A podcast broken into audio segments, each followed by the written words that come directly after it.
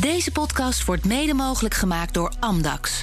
Het handelshuis voor de serieuze cryptobelegger. Dit is deel 2 van de CryptoCast, het podcastgedeelte. In het eerste deel hebben we het gehad over het laatste crypto-nieuws. Je vindt dat als de vorige aflevering 197a. Nu praten we over um, inflatie. De hoogste inflatie sinds 1982, 5,2 procent, meldde het CBS vandaag. We praten daarover met uh, onze gast Lex Hoogduin, econoom en oud-directeur van de Nederlandse Bank... en co-host Paul Buitink, managing director bij Aunexum. De cryptomarkt professionaliseert. Veel particuliere, zakelijke en institutionele beleggers nemen nu cryptovaluten op in hun portfolio. En toch wordt het cryptodomein vaak nog gezien als een anoniem online gebeuren. Voor Amdax is het juist volkomen persoonlijk. Cryptovaluta opslaan, verhandelen of het in beheer van uw cryptovermogen volledig uit handen geven. Amdax is er voor de serieuze cryptobelegger die zijn portefeuille wil onderbrengen bij een veilige professionele partij. We gaan het hebben over inflatie. De afgelopen weken um, zagen we al heel veel verontrustende berichten langskomen. Eerst in de Verenigde Staten, ik geloof naar 6 procent. 6,3. Uh, 6,3. Um, en dan vorige week waar kwamen de Europese inflatiecijfers uit, de HICP. En toen kwam Duitsland al met, um, met 6 procent en dan Nederland 5,7 of zo. 6, 6, 6. 5,6. 7,1 in België zie ik hier staan. Dus dat, is, uh, dat hebben ze toch een keertje gewonnen, die uh, zuidenburen van ons. Ja, hier zijn ze goed in de Belgen. hier zijn ze goed. En ik hoorde daar nog bij, daar kunnen we straks misschien nog wel over hebben... dat de Belgen um, automatisch hun prijzen erop gaan aanpassen. Dus dat wordt nog interessant zometeen. En dan ook Nederland. Ja, en, en ik, had, ik heb hier een uh, bericht liggen uit de krant. 23 maart 1982. Dat is vlak voor mijn geboorte. Ik ben geboren in 1982. Um, de rente die wordt daar, de, de, de, de spaarrente wordt um, verlaagd, denk ik, ja, naar 7,5 procent, was 8 procent. Maar als je het een jaar vastzet, 8,5. Dus dat was een beetje de tijd. En toen hadden we dus dezelfde inflatie als nu. Ja, daar moeten we maar eens uitgebreid over gaan hebben. Want dit doet wat met, met mensen, met, met, met hoe je naar geld kijkt en de economie. Laten we eens beginnen bij wat is eigenlijk inflatie, Lex? Ja, inflatie. Eh, vandaag de dag wordt inflatie gedefinieerd als een toename van het algemene prijspeil. En dan met name van de prijzen van consumptiegoederen. Dus de dingen die wij als burgers uh, aanschaffen. Dat is inflatie. Um, dat betekent dus dat je kijkt naar een beperkt aantal prijzen. Dat is wel, wel van belang. Dus je kijkt niet naar de, bijvoorbeeld de, de, prijzen van aandelen, uh, de prijzen van huizen. Of de prijzen van goederen die bedrijven aan elkaar leveren producentenprijs. Dus een beperkte groep prijzen die ons als burgers uh, ter harte uh, gaan. Dat is de inflatie. Dat noem je dan vaak ook nog de headline inflation. Uh, omdat er ook nog een begrip is als kerninflatie. Dan haal je uit de, de prijsstijgingen, haal je de prijsstijgingen van goederen en diensten die over het algemeen heel volatiel zijn. En dat is in de praktijk is dat voedsel en energie. Dat is een inflatie. En dat, dat meten we met de CPI dan? Dat, meten, dat meten we uh, op Europees niveau met de HICP, die je al even noemde. Dat is de Harmonized Index of Consumer Prices. Waarbij landen allemaal die inflatie op precies dezelfde manier. Zodat je ze kunt meten. vergelijken. Dat je ze kunt vergelijken en ook kunt, uh, kunt optellen. Uh, in Nederland zijn we. Bij de, bij de invoering van de euro is die HICP gedefinieerd. Maar we zijn in Nederland ja, eigenwijs om te denken dat wij de inflatie net iets beter kunnen meten. Dus we hebben nog steeds onze eigen uh, CPI. Die in wezen hetzelfde ongeveer probeert uh, te meten. Maar, maar er zitten wat kleine verschillen uh, tussen. Maar nu vond ik hem best groot, het verschil. Ja, dat heeft te maken met de, de huurprijzen die in Nederland gereguleerd zijn en beperkt stijgen.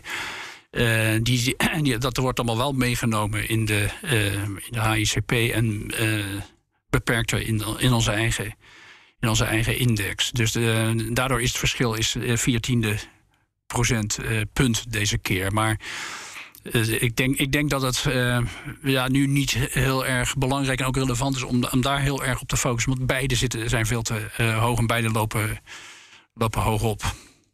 Oké, okay, maar zegt het wordt nu gemeten als we definiëren het nu als het prijspeil. Want ja, algemeen prijspeil van consumptiegoederen. Ik, ik, hoor, ik hoor in de manier waarop je het formuleert dat je zegt, oh, het zou eigenlijk, of er zit iets historisch. Iets ja, er zit, een historie, er zit een historisch verhaal achter. Want uh, inflatie betekende uh, oorspronkelijk En dan hebben we het in de tijd eh, eind 19e eeuw, toen je nog een gouden, gouden standaard had, was inflatie werd gezien als beleid van overheden, centrale banken, om uh, de hoeveelheid geld in omloop sneller te laten groeien dan de hoeveelheid goud in omloop. en goud is het echte geld in dat systeem. En als je ehm, ja, daar te veel van in omloop brengt, dan noemde je dat inflatie. En de consequentie van inflatie, een van de consequenties van inflatie is, is dat alle prijzen gaan stijgen. Het algemene prijsspel stijgt. En op een gegeven moment is men van de consequentie van inflatie, wat dus eigenlijk een beleid is, een beleid van overheden om de geld hoeveel te snel te laten groeien, is men overgestapt op uh, definiëren als inflatie als de consequentie, een van de consequenties van algemeen prijsstijging. Waarom heeft men dat gedaan? Dat is een politieke reden om, omdat men dan de, de schuld van inflatie, een aantrekkelijk verschijnsel uh, is, kon leggen bij anderen dan de overheid. Als inflation a policy is, dan is, ben jij ook de schuldig als overheid. Als je zegt van nou het komt door prijsstijging, dan kun je zeggen nou, het komt door speculanten die hun, uh, die hun prijzen verhogen, mensen die misbruik maken van de situatie. en nou, bijvoorbeeld wat we nu zien in Amerika de, de gas, en, en, olieprijzen zijn sterk gestegen. En wat zegt Biden? Die zegt dat de schuld van het oliekartel. Nou, dat, dat kun je doen als je inflatie definieert als prijsstijgingen en niet zegt het is uiteindelijk is het een verschijnsel dat rechtstreeks gevolg is van verkeerd beleid. Maar zegt, zegt dus, hè, dus origineel hè, had inflatie te maken met de geldhoeveelheid. Ja. Maar dat, de overheid gaat daar toch helemaal niet over? Dat zijn toch de centrale banken die nou onafhankelijk zijn? Ik, ik, reken, ik reken de centrale banken, hè, die, zijn, die zijn onafhankelijk. Tenminste, dat zijn ze meer en meer geworden sinds eind jaren tachtig. Dus ook, dat is ook nog een uh, recent verschijning. Ja, ja dat, is eigenlijk, dat is eigenlijk nog heel, uh, heel kort. Sommigen waren dat al wat meer uh, dan anderen. In Nederland hebben we altijd een relatief onafhankelijke centrale bank gehad. Maar bijvoorbeeld in het VK was gewoon de centrale bank was een onderdeel van het ministerie van van Financiën. Hè. Ehm, zijn weliswaar onafhankelijk, maar het is niet een. Het is niet een, een private partij. Het blijft natuurlijk onderdeel van de, van, van de overheid.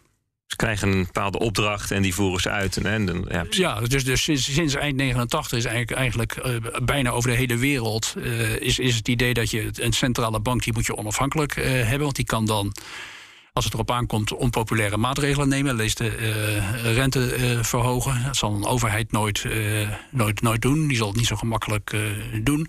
Daarvoor maak je hem onafhankelijk.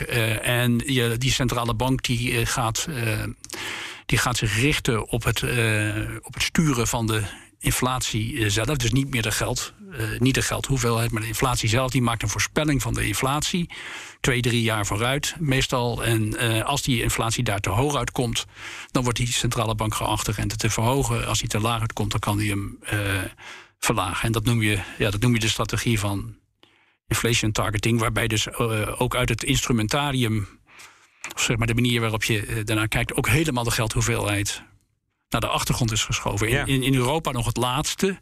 Uh, in Amerika veel, uh, veel eerder. Maar, maar die is helemaal verdwenen. Alsof inflatie inderdaad niet, zoals Milton Friedman, een van de grote monetaire economen, zei: inflation is always and everywhere a monetary phenomenon. En nou, dat is nu helemaal weggespoeld. Ja, dus we, we, maken nu de sprong van hè, dat, dat inflatie is de geldhoeveelheid die vergroot wordt. En de inflatie dat die weer verlaagd wordt, verkleind ja. wordt. Naar Um, inflatie is het prijspeil. Hè, voor, en dan vaak nog, we hebben het als we het in, de, in het algemeen over hebben, heb je het specifiek over de consumentenbestedingen.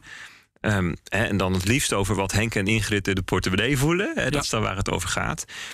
Maar ik heb ook het idee dat de afgelopen tien jaar die geldhoeveelheid flink is vergroot.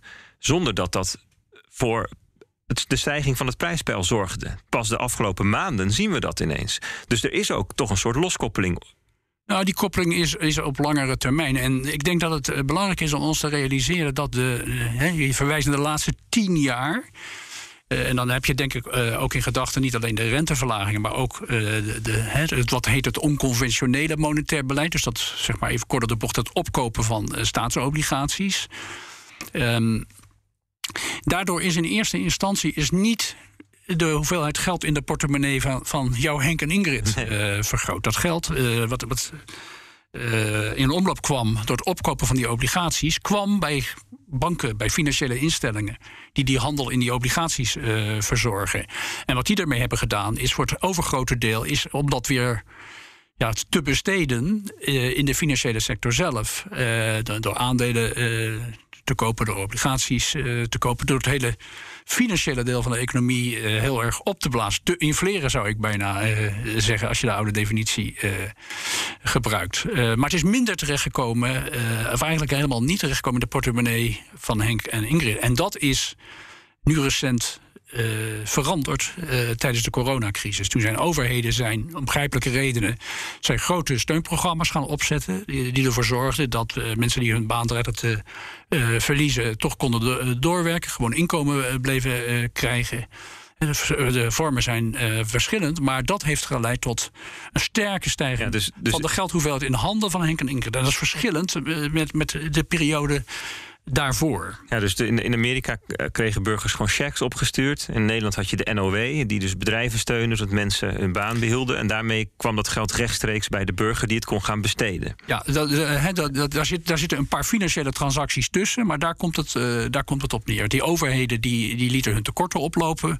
Die financierden ze door obligaties uit te geven. En die obligaties die werden niet dezelfde, maar andere werden opgekocht door de uh, Europese Centrale Bank. En dan, als je dat allemaal netjes uitschrijft, dan uh, is, is, de geldhoeveelheid toegenomen. Ja, hier moeten we zo even mee, mee, verder. Met dit, dit is een, goede richting voor het gesprek. Alleen ik wil heel even nog terug, want je zei tussendoor iets over. Ja, dat geld is in, in die, in die, met, die, um, op, met die steunprogramma, opkoopprogramma's niet terecht te komen bij de burger, maar um, bij assets, zoals aandelen en obligaties en vastgoed. Ja. En dat zou je dus ook kunnen zien als een vorm van inflatie. Maar dan asset price inflation? Is dat een goede. Ja, dat, he, dus je zou, als je, als je toch inflatie in termen van prijzen wil definiëren, kun je, eh, kun je ook kijken naar prijzen van, uh, van assets, van, van vermogenstitels. Dus dan uh, de stijging van aandelenkoersen, de sta, uh, stijging van huizenprijzen. En met name het laatste, Lex, dat, dat verbaast me altijd. Dat uh, wonen is een heel erg belangrijk onderdeel uh, van Henk en Ingrid, om ze nog even bij te halen. En uh, dat komt maar heel erg beperkt terug in de, meten, in de meting van, van de prijsinflatie. Je hebt dan wel een stukje huur, wat jij al aangaf, wat terugkomt. Volgens mij gaat de ECB dat wel anders aanpakken naar de toekomst. Door die kritiek heeft ze zich aangetrokken. Kun je daar iets over zeggen? Ja, dit is ook een vraag die door de luisteraars gesteld ja, Nou ja, kijk, ik, ik, ik moet een beetje lachen als je zegt de ECB wil zich iets van de kritiek aantrekken. ik, ik ben zelf, zoals jij weet, maar misschien luisteren niet betrokken uh, geweest. Bij, uh, bij de, in de eerste jaren van de, de euro, het laatste jaar van de voorbereidende uh, instelling. En toen al was er de discussie over: moet je niet huizenprijzen veel directer in de HICP opnemen? Toen zei iedereen: nou, er zijn best, best redenen voor om dat te doen, maar laten we dat nog maar eventjes uitstellen. En nu in 2020 begint de ECB, die doet een herziening van zijn strategie. Uh, en die zit na te denken over zijn herziening van zijn strategie. En die komt tot de conclusie dat ze over vier jaar, want zoveel tijd hebben ze nog nodig om het allemaal te, eh, te regelen, via de statistische bureaus uh, hier iets meer van, uh, van opnemen. Dus ik vind dat er. Het, het, is goed dat ze het gaan doen, maar er spreekt helemaal geen gevoel van urgentie, urgentie uit. Helder. Nou ja, dat is toch wel dan problematisch, want dat betekent dat het leven wel duurder wordt, zonder dat dat zichtbaar is in de cijfers. Ja, uh, dus, nou, nou, ja, je kunt zo, zo, uh, sowieso zeggen... er zijn allerlei prijzen die, uh, die de pan uit aan het reizen zijn... Waar de, waar de ECB van zegt, ja, die, daar kijken wij op zijn best indirect uh, nou, en natuurlijk het, het, het belangrijkste. Nou, producenten, uh, producentenprijzen, prijzen van aandelen, prijzen van obligaties. Uh, maar, maar huizenprijzen is natuurlijk. is, is, is, ja, die raakt laten we toch maar even steeds Henk en Ingrid blijven uh, zeggen. Henk en Ingrid natuurlijk uh, rechtstreeks. Als je kijkt wat er, uh, nou dan maar Nederland nemen, wat er gebeurd is met de huizenprijzen ten opzichte van de inkomens de laatste 50 jaar. dan kon iemand met een modaal inkomen kon in de jaren 70 kon, kon, een, huis, kon een huis van een zekere kwaliteit kopen. Nou, dat is nu uitge, uitgesloten. Omdat die, die inkomens die zijn veel trager, hebben zich veel trager ontwikkeld dan die, uh, dan die huizenprijzen. Dan, maar dan zegt uh, Peter Hein Vermulligen van het, het, CBS, die zegt ja, maar de, de leencapaciteit is veel groter geworden, omdat die rente zo laag is. Dus uiteindelijk zijn, is wonen betaalbaarder geworden. Ben je dat mee eens? nou, kijk, de, de, ik denk dat je, een on, je moet een onderscheid maken tussen inderdaad betaalbaar, betaalbaarheid en zeg maar de huizenprijs als zo, uh, zodanig. heeft natuurlijk gelijk dat op het moment dat, uh, dat de rente nul is, eh, bij wijze van spreken, is niks een probleem. Dan is ieder, geen enkele schuld een probleem. Het, het, het, het, uh, het moeilijke is nu juist dat uh, die, die, len, die rente zo laag is dat hij de huizenprijzen heeft opgestuurd en blijft opstuwen. En dat op een gegeven moment uh, ja, die prijsstijgingen te hoog zijn en afgeremd moeten gaan worden door de centrale bank. En dan, krijg je, dan heb je wel degelijk een degelijk een probleem. Ja, dat is denk ik een, goede, eh, een goed punt. Hè, van, van, um, die rente is nu 0%. En dus kun je heel veel lenen. Um, maar als die rente gaat stijgen, dan zullen dus ook de prijzen van die huizen weer moeten dalen. Die, gaan, dan, uh, die gaan dan dalen, ja. ja. En dat is een beetje wat jij laatst zei, Lex. Het is redelijk viraal gegaan dat de centrale bank in dat opzicht vastzit, they're trapped. En dat, dat werd breed opgepikt, ook omdat je natuurlijk oud, uh, oud centrale bankier bent. Dat, dat stempel zou je altijd uh, bij je dragen. Of die pet zou je altijd een beetje op hebben. Is um, als jij kunt toelichten wat je daar precies mee bedoelde? Ja, de ECB zit in een zit, andere manier om te zeggen, zit tussen een rock en een hard place. Tussen Skilla en uh, Charybdis. Omdat ze moet opereren in een, in een wereld waarin er heel veel hele hoge schulden uh, zijn. Ook van, uh, ook van overheden, maar ook uh, private schulden. Maar overheden, die schulden van overheden die zijn met name problematisch. Um, als de ECB de rente zou gaan verhogen en doet dat snel, dan kan heel, heel, heel snel kunnen er financiële stabiliteitsproblemen ontstaan in landen als Griekenland, Italië, Spanje, Frankrijk, België. Uh, die hebben allemaal overheidsschulden die, uh, ja, die 120% van het bruto binnenlands product zijn of meer. Griekenland zit, er, zit boven de 200%. Italië gaat in de richting van 160%. Pro, uh, ja, als de rente nul is, dan geldt hetzelfde als wat je net zei, Bert, voor die huizen. Dan, dan, ja, dan is niks een probleem. Dan kun je gewoon blijven doorrollen zolang iedereen maar gelooft dat die rente ook nul blijft. Dus we zitten nu in een situatie waarin de stabiliteit van ons financieel systeem afhankelijk is van de overtuiging van marktpartijen. Uh, dat de rente altijd zodanig laag blijft dat die 160% BBP niet nooit een probleem wordt. Dat betekent dus dat de ECB, uh, als ze de rente zou moeten verhogen voor het handhaven van prijsstabiliteit, wat de hoofdtaak is van de ECB, zitten ze gelijk klem, want uh, dat bedreigt financiële stabiliteit. En als financiële stabiliteit van Italië wordt bedreigd uh, en dan van een aantal andere landen, dan, dan leidt dat heel gemakkelijk weer tot een nieuwe economische en financiële crisis. En ook weer tot grote vragen over: is de, is de euro wel een houdbare, houdbare munt? Dus de, de, dat, dat weet de ECB. Dus dat, de een, dat, dat maakt, haar, maakt, uh, maakt de ECB terughoudend met het uh, verhogen van de, uh, van de rente. en aan de andere kant kan dat nodig zijn, eh, wel nodig zijn voor het handhaven van prijsstabiliteit. Tot nu toe kon de ECB steeds zeggen van kijk, die inflatie is te laag, die is lager dan 2%, dat is waar we naar streven. Dus wij moeten blijven stimuleren en wij moeten die rente heel erg laag houden. We moeten obligaties blijven opkopen. En en passant is dat toevallig, zou ik bijna zeggen, is ook nog goed voor financiële stabiliteit. Dus die doelstellingen liggen in elkaars verlengde. Ja. Uh, en op het moment dat uh, de inflatie een probleem gaat worden, of een risico gaat worden, en het beleid verkrapt zou moeten gaan uh, worden, dan liggen ze niet meer in elkaars verlengde. En dan zijn ze met elkaar in, in strijd. En dat is de situatie waar we nu. aan het inkomen, of eigenlijk in zitten. Ja. en en ja, de ECB die probeert, en dat, dat, dat is waarom ik eerder op jouw vraag van is het zorgelijk uh, antwoorden ja. De ECB die, die, uh, die, die heeft nu in zijn strategieherziening eh, het zichzelf mogelijk gemaakt om nog langer die rente laag te houden. Die wil eerst nu de inflatie zien. Die wil in zijn eigen voorspellingen zien dat die inflatie twee jaar boven de 2% blijft. In de eh, periode daarna moeten ze ervan overtuigd zijn dat de, de kerninflatie, waar we het eerder over hadden, dat die ook boven de 2% blijft. En dan zijn ze bereid maatregelen.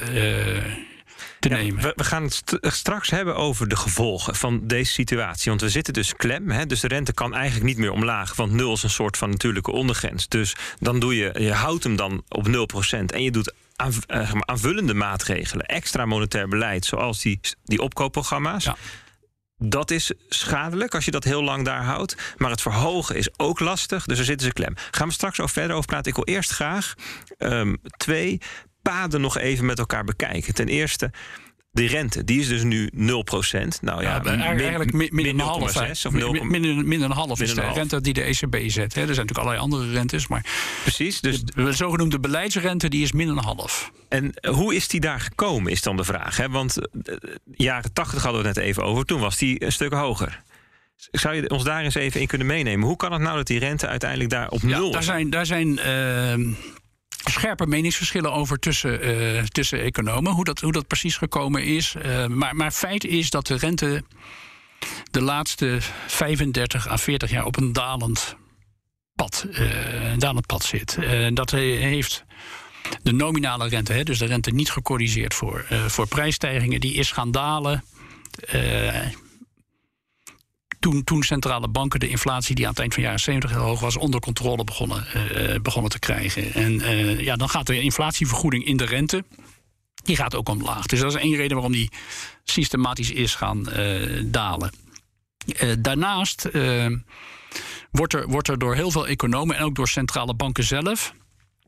wordt, wordt er op gewezen dat eind jaren 80 uh, dat beleid van inflation targeting, wat ik zei, dat dat uh, heel succesvol is geweest. Dat dat ook de inflatie omlaag heeft gebracht. En dat daardoor ook die, die rentedaling mogelijk is geworden. Dus het, uh, het komt door de. Door, goede, de goede strategie van de centrale banken is de eigen opvatting. Daarnaast zeggen ook veel centrale banken en ook veel economen die zeggen sinds de jaren zeventig is er structureel, geleidelijk structureel een zogenaamd spaaroverschot in de economie ontstaan. En dat komt met name door vergrijzing, eh, door de vergrijzingstendens. En die vergrijzingstendens die heeft, ehm, die heeft ermee te maken dat mensen voor hun pensioen moeten ze premies gaan uh, betalen, geld aan de kant, aan de kant zetten. En wat ze aan de, geld aan de kant zetten, kunnen ze niet niet besteden. Uh, en uh, daartegenover, uh, dat geld wat ze aan de kant zetten, daar is maar beperkte vraag voor om dat te lenen voor investeringen. Dus er is een soort mismatch tussen besparingen en investeringen ontstaan. En de rente zorgt ervoor dat die twee weer aan elkaar gelijk worden. En als je de rente verlaagt, zeggen mensen: Nou, ik ga het nu, nu toch maar uitgeven, want ik krijg er weinig spaar, spaargeld voor. En als je de rente verlaagt, dan wordt het aantrekkelijker om te investeren. Dus dat is een soort evenwichtsmechanisme om die rente, om die economie weer in, in balans te, te brengen. Nou, daarnaast is, is er, hebben we de globalisering. Sinds de jaren 70, met name opkomst van China, wat heel veel extra mensen op de wereldarbeidsmarkt in feite heeft gebracht. En druk op de lonen heeft gegeven. En daarmee ook druk op de, druk op de prijzen. Dus dat zijn zeg maar tijdelijke, maar wel heel langdurende schokken aan het, uh, aan het systeem. En wat de centrale banken zeggen, nou ja, wij moeten als uh, centrale bank met onze rente, moeten we eigenlijk die, uh, die schokken volgen. en dat is. en dat is het hele verhaal voor hun. Uh, ik denk dat er iets meer aan de hand is dan dat. En dat, dat is eigenlijk ook een lang verhaal, maar ik zal het zo kort mogelijk proberen te vertellen. Dat is dat eind van de jaren uh, 70, of begin van de jaren 70 is, en zijn de ankers in het geld uh, verdwenen. Het geld was toen, ze zei het niet perfect, uh, met een heleboel uh, problemen ook, was, was indirect aan, de, aan, de, aan goud gekoppeld. Ja, via, de, via de dollar, hè? Via de, de dollar was aan goud gekoppeld en alle andere munten waren aan de dollar gekoppeld. En dat systeem is begin jaren 70 losgelaten. En dat heeft geleid ja, tot on, ontankerd geld. een heel lang verhaal om verder uit te leggen, maar de consequentie daarvan is geweest dat het niet alleen de geldhoeveelheid sterker is gaan groeien, want die, was van de ankers uh, bevrijd, maar eigenlijk het hele financieel systeem. Er zijn grote banken ontstaan, er zijn uh, heel veel kredietverlening gedaan, waar er is, grote schulden tegenover staan. Dus het financieel systeem is heel sterk gegroeid. Als je dat voor Nederland bekijkt, was het begin van de jaren 70 was het ongeveer anderhalf keer ons, uh, ons, wat wij met z'n allen verdienen, ons bruto binnenlands product. En dat was voor de financiële crisis van 2008 opgelopen tot zes keer. Zo. Dus een enorme explosie van, uh, van, van het financieel systeem. Inflatie zou ik zeggen, van de opblazing van het financieel systeem. Dan kun je zeggen, wat doet dat ertoe? Maar dat, is voor, dat, is, dat heeft uh, de werking van de economie wezenlijk veranderd, naar mijn idee. was het in de jaren 70, en ik, ik overdrijf een beetje, maar om het duidelijk te maken, was het zo dat de ontwikkelingen werden bepaald door wat er in de werkelijke economie gebeurde. En de financiële sector die financierde dat, die was passief. Uh, die causaliteit is nu omgedraaid. Omdat die, die, financiële sector is zo groot dat motieven in, de in het financieel systeem die bepalen uiteindelijk de uitkomst. Hmm ook in de reële wereld. Als op een gegeven moment iedereen denkt het is aantrekkelijk om in eh, Amerikaanse huizen te gaan financieren, dan stroomt er allemaal kapitaal naar de eh, VS. Dat drijft uh, de waarde van de dollar op. Dat, dat, dat leidt tot stijging van huizenprijzen in de VS. Dat leidt tot extra economische activiteit in de VS.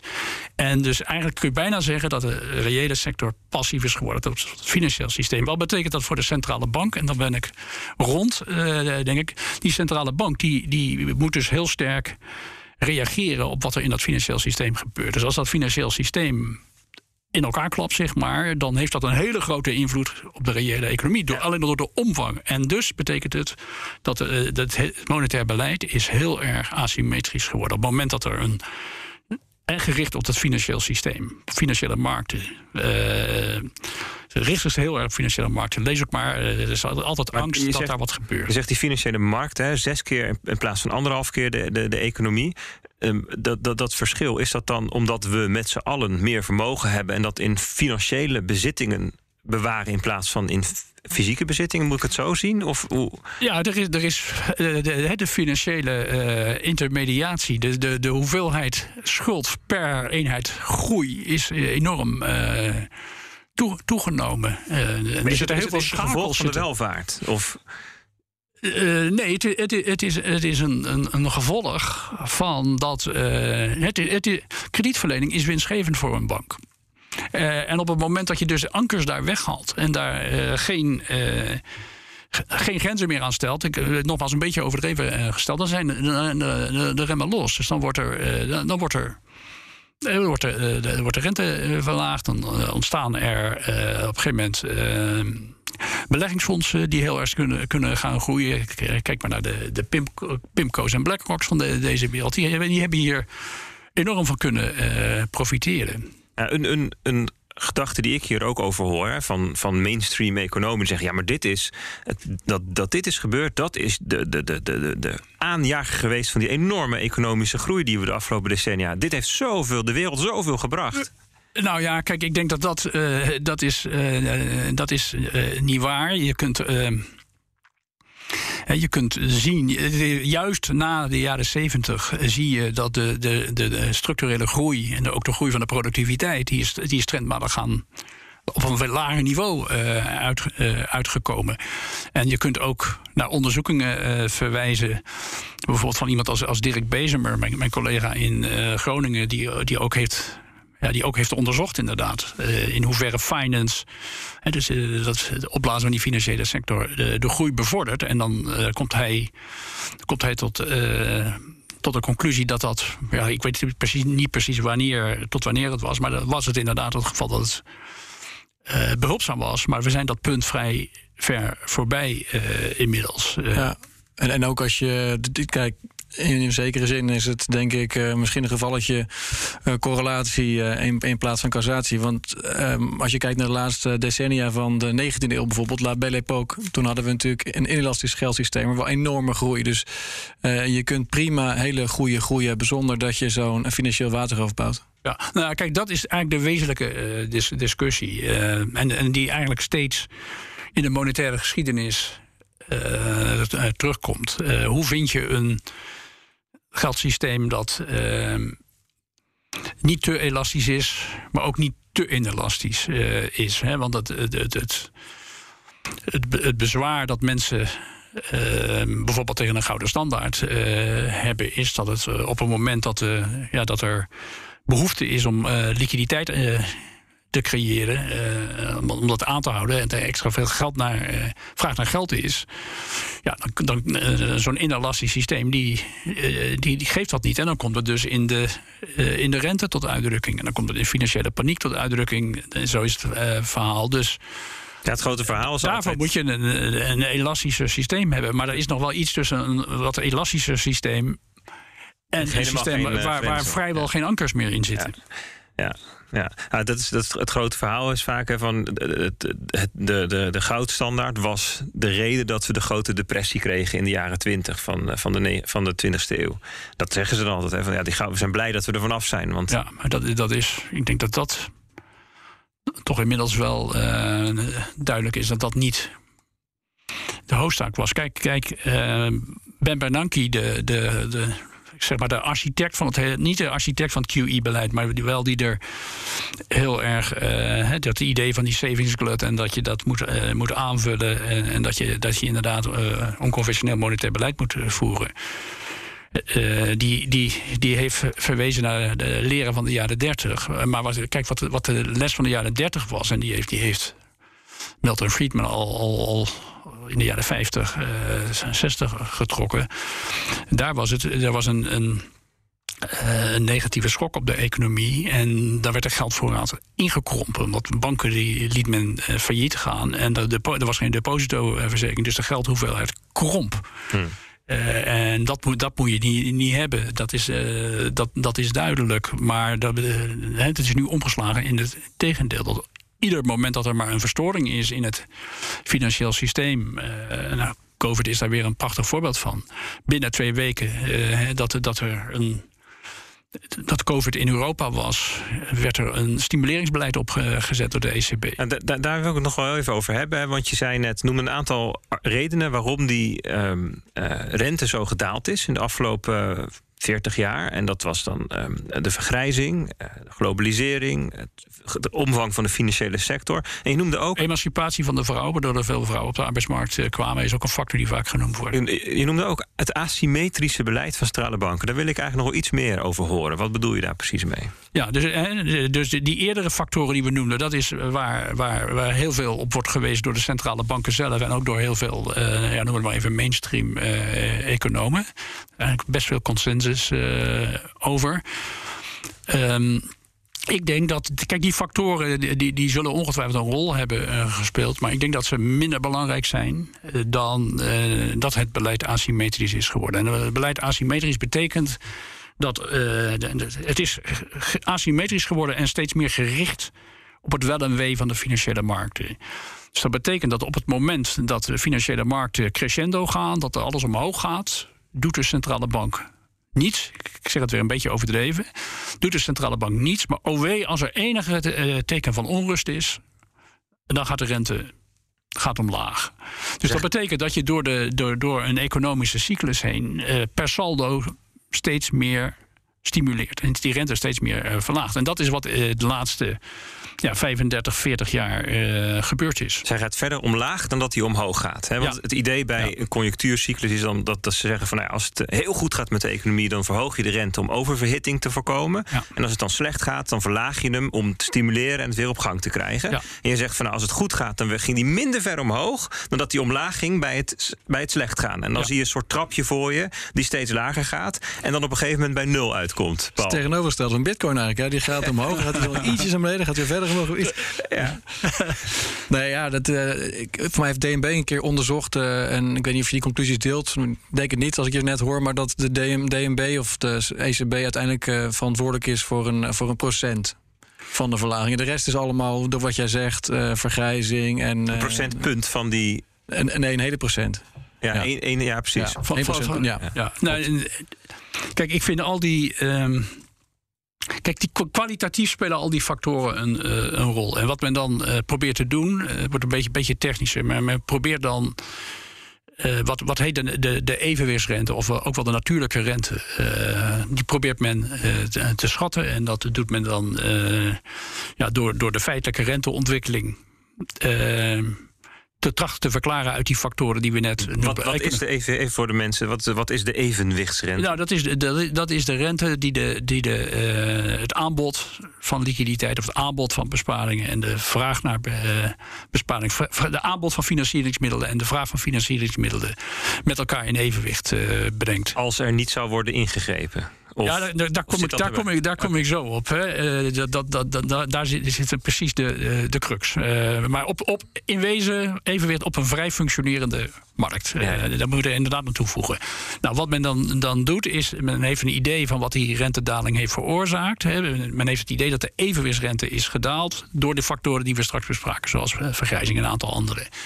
En wat men dan doet, is de feitelijke renteontwikkeling. die probeert men econometrisch met, met statistische technieken te verklaren uit die factoren. Maar daarmee. Uh, ja, veronachtigt men ten eerste dat die, uh, dat die evenwichtsrente is, dat is niet iets wat je kunt waarnemen. Dat is niet een soort temperatuur die je kunt meten. En die kun je alleen schatten. Uh, en door de manier waarop men hem schat. Uh, ja, is het, is het een onzinnige uh, schatting, moet ik zeggen. Want men gebruikt de feitelijke rentes. Want dat is het enige wat men kan waarnemen. En de, we weten dat de feitelijke rentes door de centrale bank worden, uh, worden bepaald. Uh, ik, ik, misschien een kleine anekdote die me nu eens te binnen schiet. Eind jaren 80 hadden we, eind jaren 90 hadden we het probleem dat de rente zo hoog was. En toen had de Economenvereniging, de Koninklijke Vereniging voor de Staat Huishoudkunde, daar mocht je dan adviezen voor schrijven. En ik heb toen een advies geschreven over de, over de hoge rente. En eh, ik, uh, ik, ik, veronderstelde toen eind jaren tachtig dat hij hoog zou blijven. Nou, het is een beetje anders gelopen. Dus dat is niet uitgekomen. Maar interessant was, ik had toen een discussie over dat, uh, dat stuk met Jelle Zijlstra, toenmalig net, net ex-president van de Nederlandse Bank. En die en, en, en ik beweerde dat die rente hoog zou blijven, omdat de, de, de landen uit uh, Oost-Europa die gingen, uh, die werden deel van het kapitalistische systeem. Dat zou met een grote kapitaalvraag gepaard gaan. En daardoor zou die rente hoog blijven. En toen zei uh, Jelle Zijlstra zei tegen mij: dat is onzin. De centrale bank bepaalt rente. Dus ik zat toen nog in het mainstream verhaal, maar hij, hij, hij was toen al ervan overtuigd dat de, de rente uiteindelijk door de centrale bank wordt bepaald. En als je ook gewoon ziet He, daar maken we een grote sprong als vandaag de dag. Waar, waar de discussie in de financiële markten over gaan. Uh, en waar, waar alle analisten zich mee bezighouden. Dat is inderdaad wat gaat de centrale bank uh, doen. Lex, mag ik daarop op inhaken? Want uh, dat heb ik ook altijd gedacht. En ik denk het in zekere zin nog steeds in grote mate. Maar tegelijkertijd, als je gewoon kijkt naar de, naar de lange termijn rente, die toch ook wel grotendeels door de markt wordt, wordt bepaald, zie je dat er een, een hele lage eh, rente wordt gevraagd. Um, dus dus in, in hoeverre heeft de Fed of een andere centrale bank dan nog wel de macht om dat, uh, om dat te bepalen? De, de markt verwacht blijkbaar dat er de komende tijd uh, lage inflatie komt. Want ze zijn bereid om, met bijna niks genoegen te nemen. Dus een hele vlakke yield curve hebben we momenteel. Ja, dat, dat, ja maar dat, dat is uh, vermoedelijk, we, weten, we weten dat niet, omdat de, men uh, vermoedt dat de Fed uiteindelijk, het voorbeeld van de Fed, uiteindelijk succesvol zal zijn om die inflatie onder controle te krijgen. Want je ziet nu ook dat de korte rentes in de VS die zijn hoger dan de ja, lange Omgekeerde yield curve noem je dat. Eh. Dit is even een goed punt. En deze vraag, voor deze vraag is het misschien goed om nog even uit te leggen... wat nou eigenlijk de relatie is tussen rente en inflatie. Want we hebben net eigenlijk het gehad over... waarom is die rente nou gedaald in 40 jaar tijd...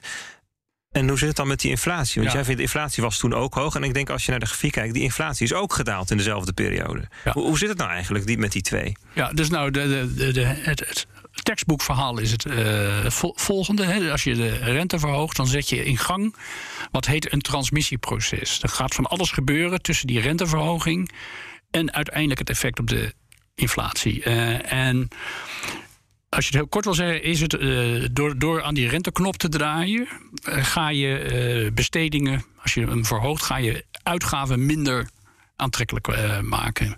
Uh, als de rente omhoog gaat, gaan mensen meer sparen, minder consumeren. Uh, het wordt minder aantrekkelijk om te investeren.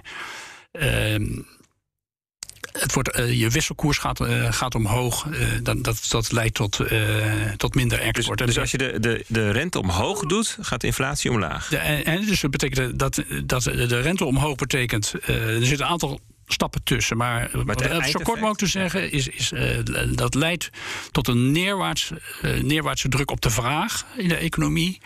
Eh, en eh, prijs is uiteindelijk, en inflatie dus ook, hè, is het het punt waar vraag en aanbod elkaar ontmoeten. Dus als er minder vraag komt, dan gaan, komt er druk op de inflatie. Dat is het idee. En daar zit een heel transmissieproces tussen. En daar hoeven we het verder denk ik niet, niet over te hebben, want dat is het mechanisme. Wat wel nog van belang is, dat, dat, me- dat de, het moment tussen het draaien aan de renteknop en het effect op de inflatie eh, gaat gepaard met lange en variabele vertragingen, zoals diezelfde Milton Friedman alweer zei. Dus het kan zo anderhalf, twee jaar duren voordat je effect ziet. Oké, dus, dus hè, de inflatie die, ehm, die, die werd op een gegeven moment steeds lager. Hè, tot die op- in de buurt van de nul kwam. Hè. Dat hebben we de laatste twintig jaar gezien. Dat die behoorlijk laag was, constant. En de centrale banken die, die, die, die doen daar wat mee door aan de renteknop te draaien. Met wat vertraging. Ehm, en dan zijn we nu aangekomen op het punt dat ehm, na heel lang er ineens weer inflatie is. En, hè, ineens 4%, 5%, 6% inflatie. Waar, waar, waar komt dat dan? Waar komt het dan vandaan? Ja, eh, kijk, er zijn, er, zijn meerdere, meerdere factoren. Hè. De, ook, ook hier weer, als je het eh, mainstream verhaal bekijkt... en waar de centrale banken zelf ook eh, de meeste nadruk op eh, leggen... is het, ehm, het, het effect van de corona-maatregelen, de lockdowns in het bijzonder... die hebben de, de, de, de aanbodketen verstoord. Eh, Logistiek, productie. Log- logistieke, eh, logistieke factoren. En dat, eh, ja, dat leidt ertoe dat, eh, eh, eh, dat, dat er wel vraag is, maar geen eh, aanbod. Dat het aanbod het niet kan eh, bijhouden. Dat, dat wordt als de hoofdfactor eh, gezien. Nou, dat is een kwestie van tijd voordat je. Ja, dus ze zeggen dan is het de, de inflatie is transitory, is tijdelijk, is van voorbijgaande aard. Want dat zijn verstoringen van productie en logistiek. En dat is te fixen. Ja. Dat is, de, dat is Dat de is en dat is te fixen door. eh, en dat wordt ook gefixt door niet-monetaire maatregelen. Daar heb je de centrale bank niet voor nodig. Nee, precies. Eh, ik denk dat er heel erg onderbelicht is. eh, het beleid van de centrale banken en overheden zelf, waar we het eerder over hadden. De, de reactie van centrale banken en overheden op de, op de COVID-crisis is heel veel stimuleren.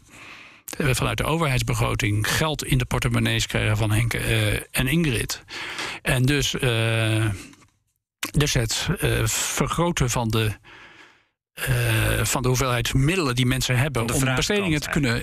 Ja, in ieder geval daarvoor zeg maar de middelen beschikbaar te stellen. Hè? Dus, dus er zijn heel veel mensen die hebben. In Nederland tijdens die lockdown, die konden niet naar het buitenland. Die zouden anders misschien een vakantie hebben genomen. En die, die hebben dat deel eh, hebben dat geld niet kunnen uitgeven. En die hebben dat eh, gespaard. En nu ja, nu weer even niet, maar in de periodes dat die, die, die lockdown er niet is, kunnen ze het, eh, kunnen ze het uitgeven. En eh, dat, dat op, op een moment dat zeg maar. Maar is dat, Eh, is dat niet ook een tijdelijk effect? Als je wat, het geld wat je eerst niet Nee, uitgaf, dan inhaalt of zo? Het is eigenlijk een, een, een- een- in zekere zin een perfect storm natuurlijk dat beide eh, samenkomen. Maar ik heb wel het idee, eh, en daarom ben ik ervan overtuigd dat het niet tijdelijk is, dat eh, zeker in de Europese Unie is men nu zo gewend geraakt aan het feit dat begrotingstekorten er niet meer toe doen en dat iedere keer kan worden gegrepen naar een makkelijke geldoplossing. Dat bij iedere nieuwe virusvariant, iedere nieuwe problematiek, of het nou ehm, be- eh, hogere gasprijzen zijn of anderszins, dat iedere keer naar dat instrument wordt gegrepen. Omdat Het instrument? Het instrument van eh, begrotingstekorten, ehm, geld bijdrukken. Ik, ik denk in die zin dat de geest uit de fles is. En dat het heel moeilijk zou zijn om de mensen en de lidstaten nog in het geheel te krijgen. En iedere keer de makkelijke oplossing wordt gekozen. En dat leidt er denk ik toe dat eh, inflatie niet van voorbijgaan aard is, maar juist structureel. Nou ja, wordt. kijk, de, de, de, ik, Hoe, bij, bij- met jullie beide opmerkingen zeg maar eens. Eh, Kijk, het, het zou. iedere eh, inflatie is eh, tijdelijk. iedere Eh, impuls is tijdelijk. Iedere zeg maar. impuls is Ja. tijdelijk. Het hangt ervan af hoe erop gereageerd wordt. Als, het, dus als het, als, als inderdaad, wat Paul zegt waar is, dat, dat In eerste instantie nu uh, bijvoorbeeld uh, loontrekkers die gaan erop uh, reageren. Gaan cao's openbreken of nieuwe cao's tegen hoge prijzen afsluiten. Gaan, het minimumloon gaat omhoog. Even ook heel veel. Dus dan krijg je doorwenteling. En dus de, de rol van de centrale banken is om ervoor te zorgen dat die, dat, dat die dynamiek niet eindeloos kan doorgaan. en, en daarom helpt het heel erg als je geldvoorraad beperkt is. Als hij niet, kan, uh, als hij niet stijgt, als hij niet uh, meestijgt, dat als het ware niet meegeeft met die, met die doorwenteling, dan gaan, dan gaan op een gegeven moment ontstaat er geldkrapte en dan gaat de rente gaat eh, stijgen en dat remt de vraag af en dan gaat de inflatie weg. Maar dat mechanisme dat, dat, is, uh, dat is er dus uit, dat is er, dat uit, is er uitgehaald. En als je gewoon kijkt wat, de, uh, wat, wat er nu aan de hand is. Uh, even Nederland. Nederland gaat een, is, is bezig met een kabinetsformatie. Er zijn, is, is sprake van dat er tientallen miljarden in fondsen klaar wordt gezet. Voor bijvoorbeeld klimaatbeleid, voor de stikstofcrisis te bestrijden. Dat betekent dus gewoon dat, dat, dat men doorgaat in de huidige omstandigheden met een stimulerend begrotingsbeleid. Dus men gooit olie op het vuur. De centrale bank hebben we het eerder over gehad. Die is heel aarzelend om iets te doen, terwijl er heel veel ja, de, het beleid is heel erg ruim. Ja, we moeten heel even duiden voordat we verder gaan. Dus we hebben een aantal tijdelijke effecten. We hadden de timmerhout wat heel duur werd. We kregen het Suezkanaal waar schepen dwars lagen. We kregen de chiptekorten. We hadden nu de, de energieprijs die heel hoog waren. Die volgen elkaar op, want de timmerhout is intussen weer hartstikke betaalbaar. Dat is dan zo'n piek. En het Suezkanaal is dus ook alweer vrij. Maar ze volgen elkaar op. En, en dus elke keer achter elkaar komt er iets nieuws. En nu hebben we dan die energieprijs. Ik las van het weekend in het FD dat um, een Rabo-analyst verwacht dat de, de voedselprijzen 9 tot 10 procent gaan stijgen binnenkort, begin van het nieuwe jaar. Um, dus dan komt voeding erbij. is ook niet zo gek, want er wordt natuurlijk veel energie verbruikt om dat te produceren. Dus als de energie duur is, wordt de voedsel duur. En je komt dan op het punt, zegt Lex net, van dat ook de lonen omhoog gaan. Dat de mensen zeggen, nou doe mij dan maar wat meer salaris. Grappig genoeg las ik ook een bericht van de ECB de Europese Centrale Bank, dat de medewerkers daar zeiden: doe, mij, doe ons maar een uh, hoger loon vanwege de inflatie. ECB heeft een hele militante vakbond, kan ik je vertellen. dus dat is heel grappig. Maar dus dan, hadden we, dan krijg je de lonen die omhoog gaan. Als de lonen omhoog gaan, dan wordt het voor een bedrijf duurder om te produceren. Dus moeten de prijzen omhoog. En dan gaan de lonen omhoog. En dat is dan de loonprijsspiraal. En daar zijn ze bang voor. Want als we daar aankomen, dan zou het wel eens niet tijdelijk kunnen zijn, Paul. Ja, dan, eh, dan is de vraag uh, waar, waar houdt het op en wanneer gaat uh, de ECB dan wel ingrijpen? Lex, aan jou mijn concrete vraag. Wat is het Malieveld momentje voor, voor, voor DNB slash ECB dat, dat ze wel iets aan die rente gaan doen? Malieveld momentje? Als in dat men dat ja, vak, vakbonden, tractors, iedereen naar buiten, omdat de inflatie, eigenlijk wat je nu in, ja. in Turkije ziet gebeuren, um, dat wil je natuurlijk voorkomen. Dus daar zal de ECB op moeten reageren. Ja, daar zijn we natuurlijk ver, ver vanaf. Hè. De, Ver als in maanden of jaren? Nou, ik bedoel, we zijn ver af van, van een situatie aan la, Turkije. Sure. dus, er zijn, dat is, dat is wel belangrijk om te zeggen, er zijn uh, nogal wat reacties die zeggen: ja, het valt met die inflatie allemaal wel mee. Uh, we gaan hier niet naar hyperinflatie. Nee, dat, dat, die kans op hyperinflatie uh, binnen, binnen, binnen de middellange termijn die acht ik ook zeer, zeer gering. Maar stel, stel dat de inflatie blijft hangen op 3,5 procent. Dan gaat die wel wat dalen, maar dan blijft, dan blijft die ver boven die, die 2 zitten. Als je 3,5 procent inflatie hebt, dan, dan halveert je koopkracht in 20 jaar iedere 20 jaar, eh, jaar opnieuw. Dus na 40 jaar is er nog maar een kwart van, van over. Dat, dat, dat willen we niet. Dat ruïneert uiteindelijk je, je middenklasse en je gepensioneerden en je, en je spaarders. Op welk moment gaat, gaat de ECB het echt. Uh, uh, merken. Ik denk, ik denk als er vanuit de, uh, de, de, de maatschappij in eerste instantie druk gaat ontstaan op de politiek. dat mensen echt last van inflatie krijgen, dat niet meer willen. En, nou, inflatie is een relatief nieuw verschijnsel. Hè, na 40 jaar weer, uh, bij wijze van spreken. Dus dat, dat kan even noemen. De sterkste uh, plek van waaruit de druk nu, nu, al begint te komen is vanuit de gepensioneerden. De, de tweede pijler pensioenen, die, die staan al van de grote pensioenfondsen, die staan al 15 jaar nominaal stil. En daar gaat nu inflatie overheen uh, komen. Dus da daar is veel, uh, veel onrust. Als dat politiek gaat aanslaan, dan, dan gaat, er, gaat er druk vanuit de, de politiek achter de schermen op de ECB komen. En dan gaat het verhaal veranderen. Maar ik schrok eerlijk gezegd van een interview dat ik afgelopen weekend met Klaas Knot zag in het Financieel Dagblad. Waar, waar die zei, ongeveer letterlijk, van nou ja, in 2022 gaan wij de rente niet verhogen. En toen zei hij: Ik sluit niet uit dat we in 2023 uh, wel iets zullen doen, maar dat, daar ben ik heel voorzichtig over. En ze moeten natuurlijk eerst ook die stimuleringspakketten nog afbouwen. En dan... Ja, maar dat is een zelfgekozen volgorde. Je Ja. zou uh, heel goed kunnen uh, zeggen: We gaan nu. je, moet, je moet niet nu plomp verloren toen ineens de rente verhogen. Dan, dan creëer je een hoop ellende. Maar we gaan de markt voorbereiden op, op renteverhogingen. We nemen dit, dit serieus. niet omdat we verwachten dat het uh, inflatie permanent is. Nee, we gaan ervoor zorgen dat die niet permanent uh, wordt. En we gaan geleidelijk in stapjes uh, gaan we de rente verhogen vanaf begin volgend, volgend jaar. En dan kun je die pakketten kun je aanpassen af. Er is geen enkele noodzaak om dat aan elkaar te koppelen. Maar wat zou er gebeuren? Gewoon even, neem ons eens even mee. Stel nou eens dat we nu, we zitten dus nu op een beleidsrente van min een half. Stel dat je dat dan gaat verhogen naar, waar moet, je waar moet het naartoe als we straks 3,5% inflatie hebben of 4 of zo?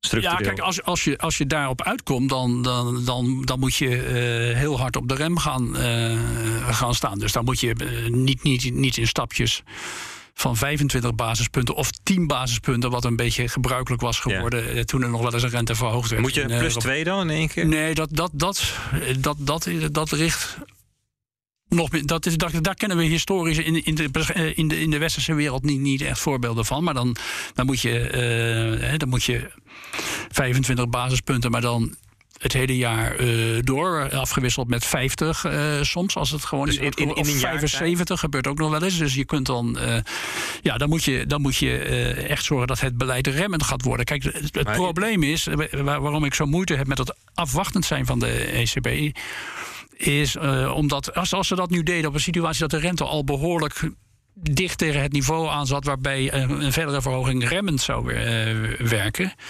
dan zou ik er nog enig begrip voor hebben. Maar die rente met die min een half, ja, als je, als je daar een half bij doet.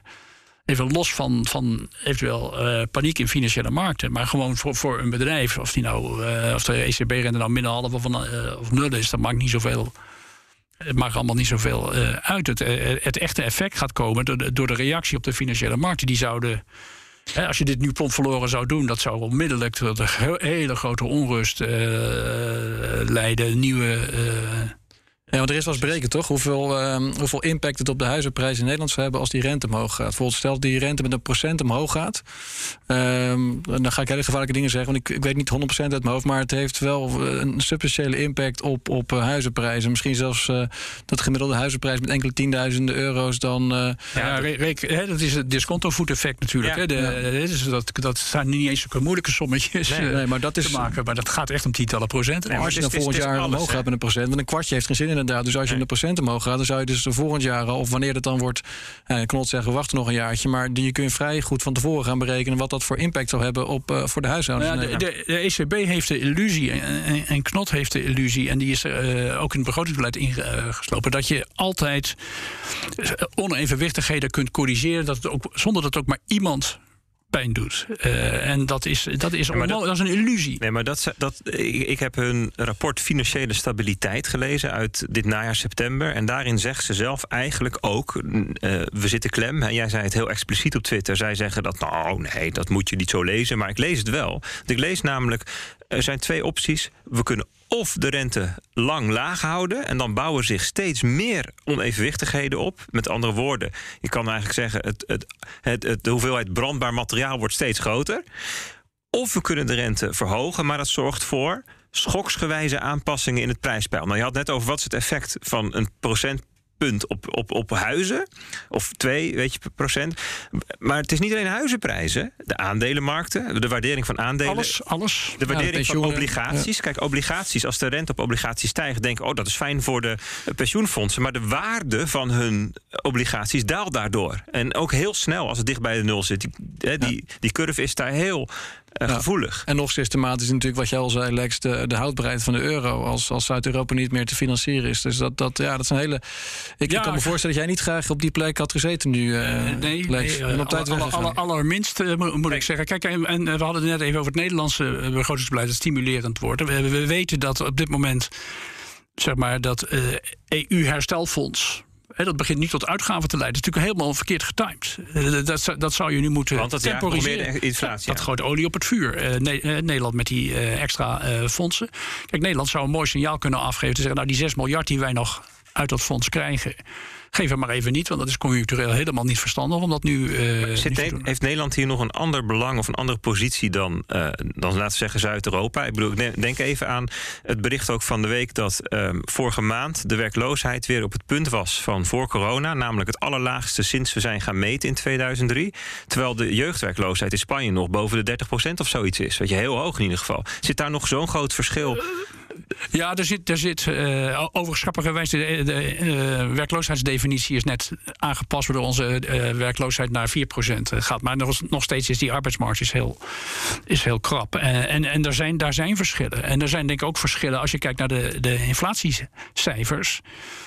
Uh, ik, ik, ik, heb niet paraat wat het inflatiecijfer voor Italië is, maar dat is, uh, dat, dat, is zeer beperkt. Uh, ja. Als je het vergelijkt met andere landen. Dus die, die verschillen die er bestaan, die, die, zijn er, die zijn er nog steeds. Maar ik denk dat er ook een ander Nederlands belang speelt, zeg maar, met name van politici, dat is uh, wat ik net eerder zei. Er, is, uh, er zijn grote noden in de maatschappij. Er zijn grote prioriteiten: klimaat, stikstof, woningbouw, onderwijs, zorg enzovoort.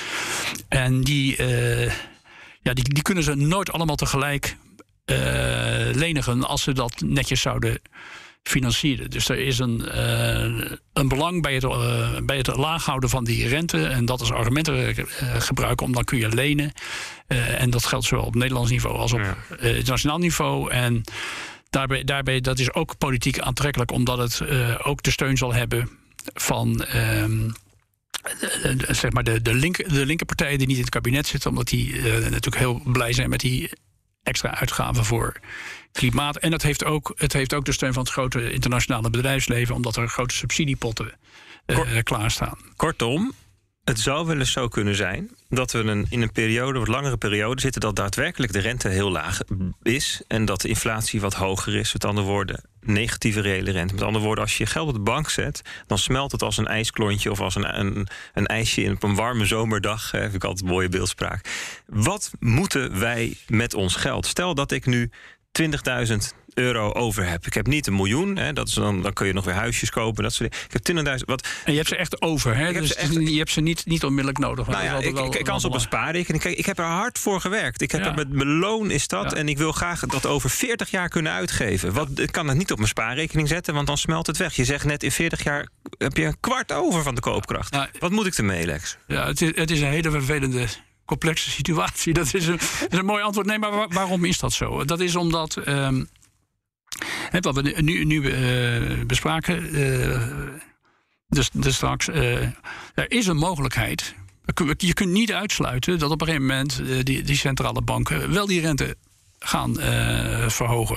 Nou, als je dan net je geld allemaal in mooie obligaties hebt gestopt, krijg je een enorme tik.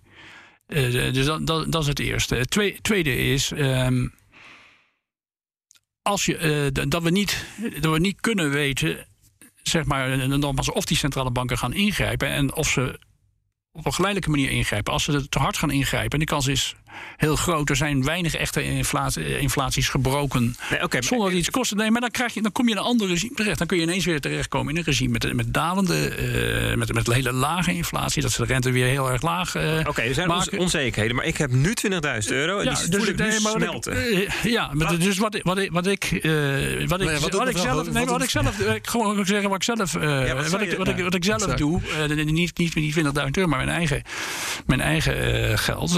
ik, ik hou relatief veel liquiditeit aan nu. Juist, juist veel liquiditeit, juist veel cash. Waarvan ik weet dat het, uh, dat het smelt. Uh, en ik breng uh, meer, meer balans aan tussen de hoeveelheid aandelen en obligaties. binnen aandelen schuif ik meer naar, naar, naar bedrijven van ik denk die kunnen, die kunnen dingen doorrekenen. dus juist niet, niet de, de big tech en fintech hoek, meer, meer waardeaandelen, zoals dat uh, traditioneel, uh, traditioneel heel, uh, heet binnen de obligaties, ben ik in eerste instantie relatief korte looptijden. Dus als de rente omhoog dat je geen tik, tik krijgt. En ik hou een klein beetje goud en zilver zilver, zilver aan. Ik heb ook wat bitcoins, maar niet, niet om die reden, moet, moet ik er gelijk bij zeggen. Omdat ik, ja, ik ben er nog niet overtuigd dat bitcoin een goede hedge is tegen, tegen inflatie. Dan, dan, dan leun ik liever op wat goud. Maar dat gaat om kleine, kleine percentages, omdat ik, uh, ja, wat ik zeg, ik, ik, ik zie het risico van, van juist heel veel instabiliteit, waarbij je periodes hebt van te hoge inflatie. Dan wordt er, moet er op de rem worden getrapt. Dan krijgen we een deflatoren ontwikkeling. Ja, maar het feit dat je best wat, wat heen en weer. Het feit dat je toch best wat cash aanhoudt, uh, Lex, betekent dat dan ook dat je denkt van die inflatie is inderdaad toch uh, tijdelijk, want ze gaan straks de rente verhogen en daarna kom ik uh, misschien in een klimaat terecht waar ik wat koopjes kan, kan, kan pakken? Nou, niet. niet, niet ja, eh, dat zal uiteindelijk mijn eh, reactie zijn als we daarin terecht, uh, terechtkomen. Maar het is, het is in eerste instantie is, er, is het gedreven door de angst om nog meer uh, dan 5%, zeg maar, als ik nu, zeker de Nederlandse inflatie even als. En je verliest zeker 5% per jaar? Dat doe, dat doe ik in dit stadium liever dan die 30, 40% koerscorrectie die er, die er zomaar zou kunnen, kunnen komen als er toch op de rem getrapt moet gaan worden. Oké, ik denk dat we het hierbij moeten houden. We kunnen nog heel lang over doorpraten, denk ik. Paul, heb jij nog wat uh, toe te voegen als afrondende gedachte? Nee, ik uh, vond het een erg uh, onderhoudend en interessant gesprek. dank, Alex. En, en, Bert natuurlijk als, als uh, een applausje Bert was de eerste dat hij het uh, ging ja, dat dus, uh, ja. heel goed gedaan hoor. Ja. Dank, dankjewel man. Wel dan. Ja, nou dat was, het, het was een, een, moeilijk onderwerp, maar ik denk dat we hem um, van allerlei kanten hebben bekeken en um, best wel een, een, duidelijk beeld hebben gekregen wat inflatie nou is, wat je er mee kunt en ook hoe lastig het onderwerp is ook voor iedereen die hier beleid op moet maken. Volgende week zijn we er weer. Zet die CryptoCast vast in je agenda. Dan is hier kunstkenner en innovatiestratege Gustav Dekking te gast om te praten over het nut van NFT's in de kunstwereld. Co-host is dan Krijn Soeteman. Vond je deze aflevering leuk? Vergeet hem dan niet te delen met je volgers op Twitter en gebruik de mention CryptocastNL. Reviews achterlaten op Apple Podcasts kan, is een goed idee. Andere podcastliefhebbers die, die uh, komen dan achter dat je, uh, dat je deze podcast moet gaan luisteren. Like, subscribe en comment op YouTube natuurlijk. Dankjewel en tot volgende week. Deze podcast wordt mede mogelijk gemaakt door Amdax. Het handelshuis voor de serieuze cryptobelegger.